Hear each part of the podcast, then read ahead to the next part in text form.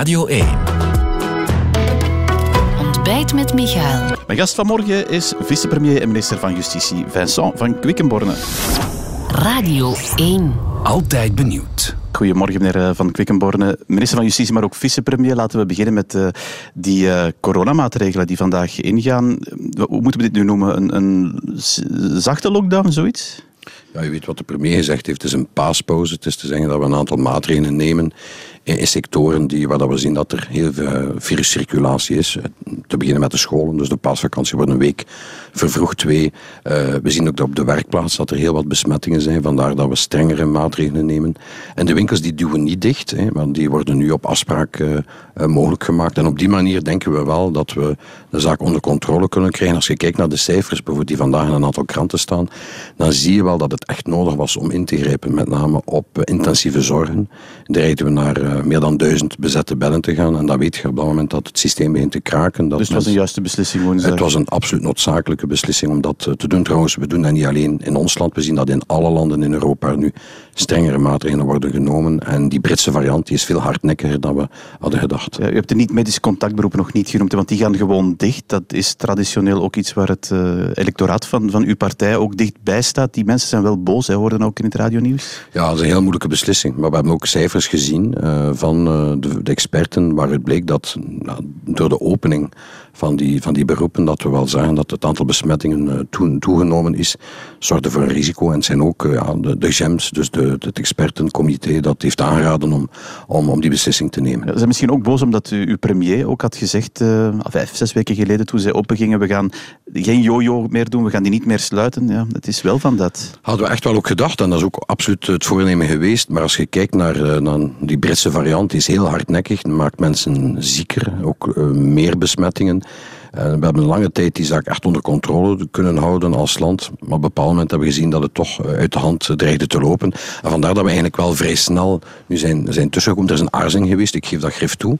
Maar uiteindelijk hebben we nu toch vrij snel beslissingen genomen. En we denken ook dat met deze maatregelen we de zaak terug onder controle gaan krijgen. Ja, want daar wil ik naartoe. Het zijn vier weken dat die maatregelen zullen duren. Zal, zal dat voldoende zijn? Zullen we op 25 april is het dan die kunnen stopzetten? Ja, kijk, uh, we weten intussen dat we ook geleerd om altijd met twee woorden te spreken in deze crisis. En dan als je beloftes doet en zegt van dan gaan we zeker zijn, dan weten we intussen dat dat niet, niet kan. Hè.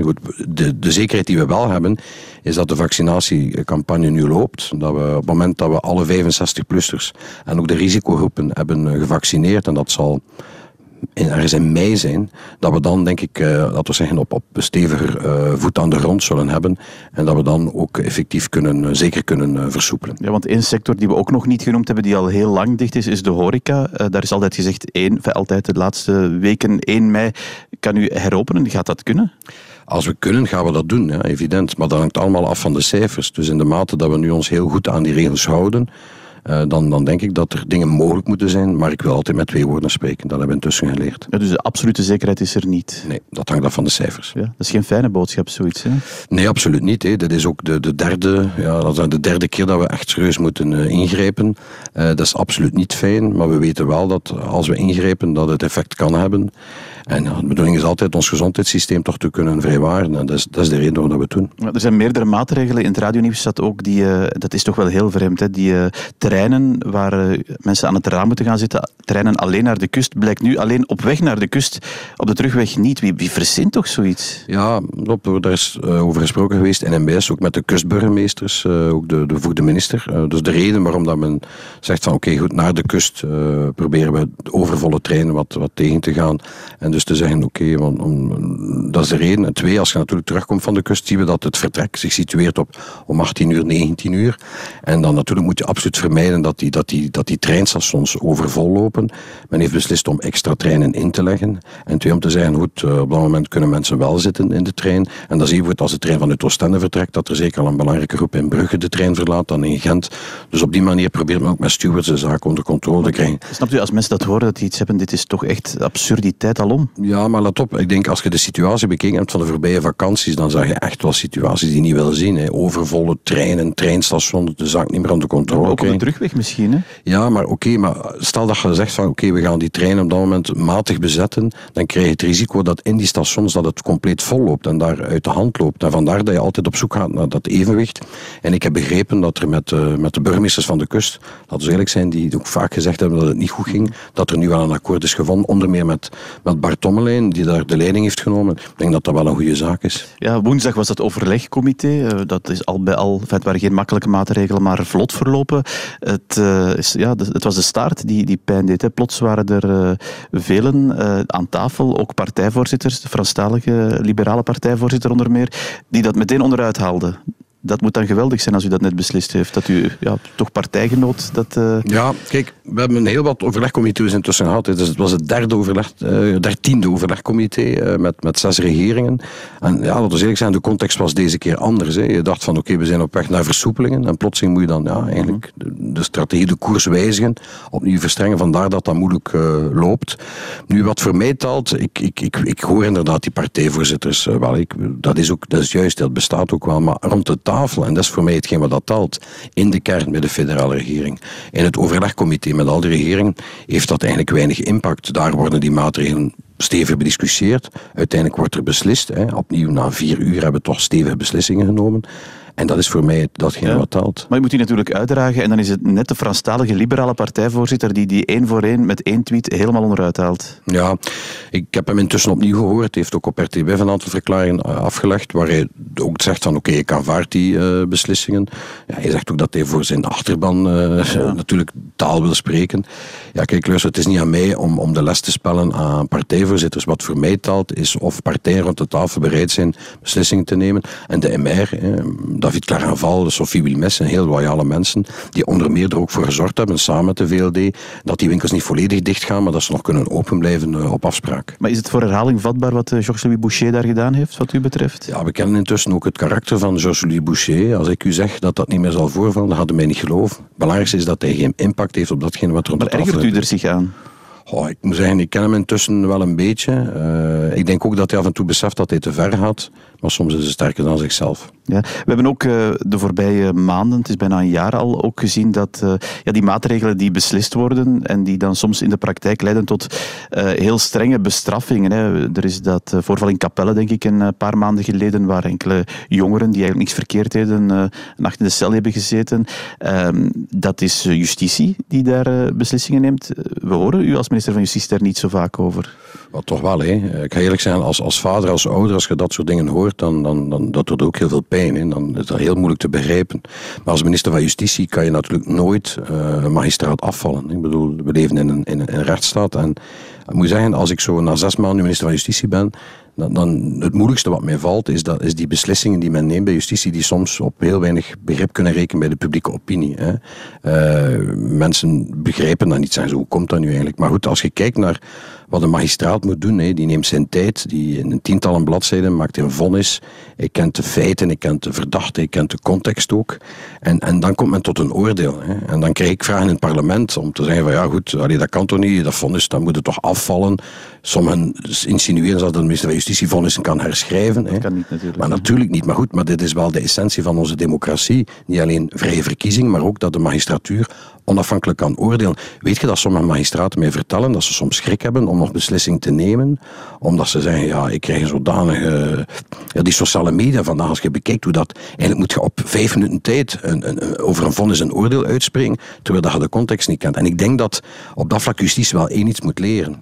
Dat is dat we uh, één, veel meer transparantie moeten bieden. Als er een vonnis is, dan is het belangrijk dat uiteraard anoniem, hè, de personen de namen eruit halen, dat men veel duidelijker dat vonnis ook sneller bekend maakt. Zodanig dat bijvoorbeeld de pers, hè, en er is ook heel veel redelijke, goede pers in ons land, gelukkig maar, dat ze kan lezen waarom dan iemand de beslissing heeft genomen. En dat gebeurt niet voldoende, zegt u nu? Ja, dat duurt te lang. Ik bedoel, als, als er bijvoorbeeld in Gent was er die discussie over die mhm. verkrachtingszaak. Mm -hmm. dat vonnis, dat was meer dan 25 bladzijden. Uiteindelijk hebben een aantal journalisten dat dan gelezen. En de standaard was dan een heel genuanceerd, duidelijk artikel daarover. De snelheid, twee. Eerste punt, eh, transparantie. Tweede, we moeten ook veel meer uh, opener communiceren. Hè. Ik heb onder meer met het, het college van Hoven en Rechtbank, dat zijn de mensen die de magistratuur, de zetel vertegenwoordigen. Ook alle contacten gehad. Ik vind dat, we, dat het tijd is voor, uh, ik zou zeggen, uh, vonnisvoorlichters. Dat zijn mensen die, niet de rechter zelf, want die kan natuurlijk niet op radio en televisie zeggen waarom dat hij dat heeft beslist, maar wel een vonnisvoorlichter die zegt van kijk, wat is de context, wat zijn de nuances, wat zijn ook de verschillen, het verschil tussen opschorting van straf en uitstel van straf. Want het, de gewone publieke opinie die kent dat niet. En daar moeten we veel ja, meer over communiceren. Dus dat zijn toch wel opdrachten die justitie moet ter harte nemen. Oké, dat is een, uh, een oproep naar hen. Iets wat deze week uh, ook bij ons aan bod gekomen is, meneer Van Quickenborne, is uh, phishing. Dat was in een pano heel uitgebreid, ook heel duidelijk uitgelegd hoe, ja, hoe goedgelovige mensen, maar daar kan iedereen bij gerekend worden, makkelijk in de val getrapt worden. Het lijkt wel alsof straffeloosheid daar ja, da, ja, het, ordewoord is. Hè. Het is moeilijk om die, die daders te pakken. Ja, we spreken dikwijls over de, de wereld na corona, want de wereld na corona zal erin zijn waarbij dat de criminaliteit duidelijk verschuift van de klassieke criminaliteit, fysiek op straat of in het huis, naar de, ja, de criminaliteit van achter de computer. We zien dat daar een enorme wijziging bezig is. Als je de cijfers bekijkt, dat is hallucinant. Hè. Op, eh, elk jaar verdubbelt dat, verdrievoudigen die aangiftes. En wat kan justitie daar doen? Ik denk in de eerste plaats snelheid maken. Eh, als het gaat over phishing is het cruciaal dat we heel snel rekeningen kunnen blokkeren. Je hebt de verhalen gezien op de Pano-reportage. Die rekeningen waar dat overgeschreven wordt, die moeten kunnen worden geblokkeerd. Hoe gaan we dat doen? Wel, we hebben daar goede contacten met, met de banken, met Fabelfin, ook met Eva de Bleker, zodanig dat we, dat, dat we banken de instrumenten geven, we gaan daar de wet moeten verwijzigen, dat zij het frauduleuze informatie kunnen delen met elkaar. Bijvoorbeeld die mules, dat zijn die, die money mules, die, die geldezels, die mensen die die rekening ter beschikking stellen. Dat, als een money mule een, een, rekening opent bij bank X, moet bank Y en bank Z onmiddellijk daarvan verwittigd worden, zodat men veel sneller kan uh, optreden. Moeten banken hier sneller ook ingrijpen? Is het ook aan de banken zelf? Ja, uiteraard. We gaan dat samen met de banken moeten doen. Hè. De banken beheren de rekeningen. U weet dat er voorbij jaren al heel veel inspanningen zijn geweest in termen van transparantie tegengaan van witwas. Dus zij, ze vervullen hun rol. Maar we moeten ook de banken nog meer instrumenten geven om sneller die informatie met elkaar te kunnen delen. Het tweede wat we moeten doen is absoluut justitie versterken. Het parket van Antwerpen is aan bod gekomen in die reportage. We gaan eh, dit en het komende jaar uh, justitie versterken met 33 extra uh, parketmagistraten en ondersteunend personeel. Heel specifiek op het terrein van cybercriminaliteit. Dus we moeten daar meer specialisatie ontwikkelen. Meer mensen hebben die ook dat soort onderzoeken kunnen voeren om sneller te kunnen optreden. En een derde wat we willen doen is eigenlijk ook de achterliggende netwerken, eigenlijk dat zijn de top van die spel van die organisatie bestrijden. We hebben een organisatie binnen de politie, NTS CETIF, die bijvoorbeeld bij Sky ICC, dat fameus onderzoek in Antwerpen, die daar een belangrijke eh, rol heeft gespeeld. Wel, in die organisatie eh, intercepteert ook communicatie.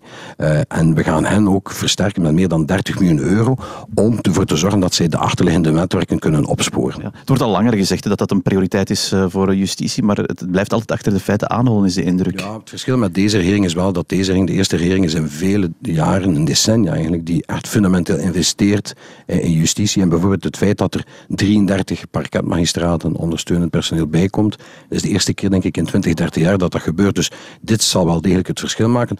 Onderschat ook niet het talent dat er uh, aanwezig is bij justitie om dat soort onderzoeken uh, te voeren. Ik verwijs opnieuw naar Sky ICC. De Hanse wereld kijkt naar ons. Dat is dankzij het talent dat we hebben bij justitie. Oké, dus nu investering om die phishing proberen op te sporen. Ik wil het ook nog even hebben, meneer Van Quickenborne, over nu maandag. Er komt een, een actiedag, een stakingsdag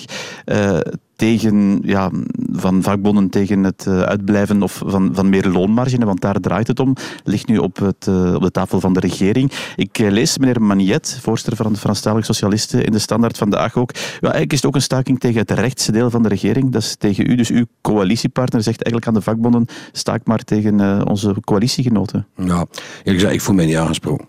waarom? Eén, ik denk dat het zeer onverantwoord is om nu te staken. Alleen we zijn met coronatijden, we hebben net de maatregelen verstrengd en nu gaat men staken op straat. Dus ik vind het een zeer, zeer vreemd uh, signaal. Bovendien, wat voor mij telt, is uh, wat er rond de tafel gebeurt.